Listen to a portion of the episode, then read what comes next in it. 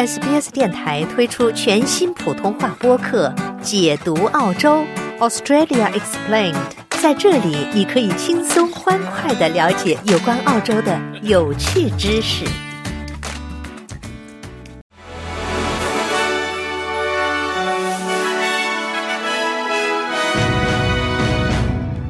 听众朋友您好，我是 SBS 记者刘俊杰。今天是二零二三年九月十八日，星期一。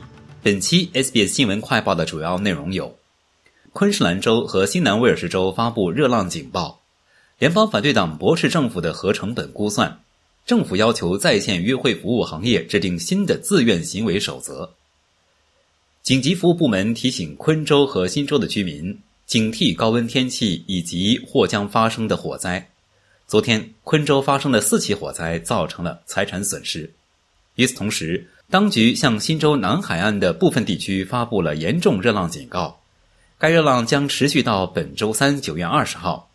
预计悉尼市中心的气温本周晚些时候将升至三十四摄氏度，而西郊可能高达三十六摄氏度。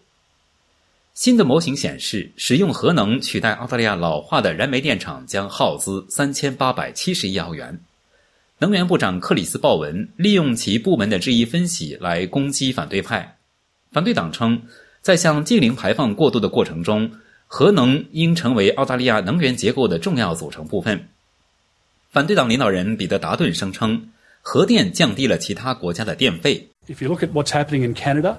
达顿说：“如果你看看加拿大的情况，他们百分之六十的能源都来自核能，而他们的电价只有我们这里的一半。世界上有五十个国家正在使用或希望使用核技术。那么，为什么包括英国、美国、法国、加拿大在内的这些国家会将最新的核技术视为二零五零年前实现零排放的可行方法和可信途径？但克里斯·鲍文不这么认为呢？”该分析模型显示，取代即将退役的燃煤电厂至少需要七十一个小型模块化反应堆。鲍文告诉澳广 ABC，转用核能违背了经济学和理性，因为这种发电方式的成本是稳定的可再生能源的三倍。鲍文说：“他们说他们的答案是核能，他们认为答案就是将最昂贵的电力形式输入我们的电网。”我们没有核工业以及相关法规，核电的成本将比正在面临实际成本和时间成本井喷的其他国家和世界各地还要高。为了解决在线约会平台上的性侵犯问题，政府向交友应用程序运营方下达了最后通牒，要求他们做出改变，否则将面临监管。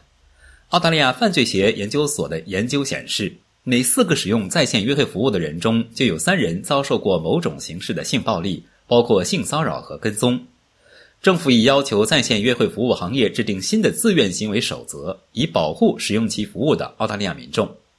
通信部长米歇尔·罗兰德表示，如果在线约会平台不提高安全性，将面临监管。他说，如果该守则不能兑现，或者不能实现在提高澳大利亚用户安全方面所寻求的改进，我们将毫不犹豫地采取进一步行动，包括监管和立法措施。罗兰德部长说，政府将就任何可能的监管措施听取电子安全专员的建议，但这些措施可能包括投诉处理、执法处理和嵌入安全功能等。社会服务部长阿曼达·里什沃斯表示，约会应用程序提供商负有道德责任。他说：“现在是这些在线约会应用程序认真履行其道德责任的时候了。我非常期待看到他们深入参与制定这一自愿行为守则。”感谢收听本期 SBS 新闻快报。您可以在任何播客平台搜索 SBS 普通话，点击订阅，开启消息提醒，即可了解澳洲国内外新闻及社区信息。二零二三年原住民议会之声公投将于十月十四日举行。您现在即可访问 SBS 中文集锦页面，收看配有中文字幕的 SBS 公投新闻报道。网址是 sbs 点 com 点 au 闲斜杠 on demand 闲斜杠 Chinese 横杠 collection。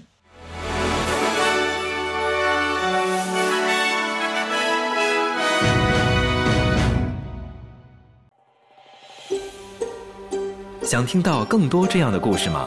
您可以通过苹果播客、谷歌播客、Spotify，或者您喜爱的方式下载收听。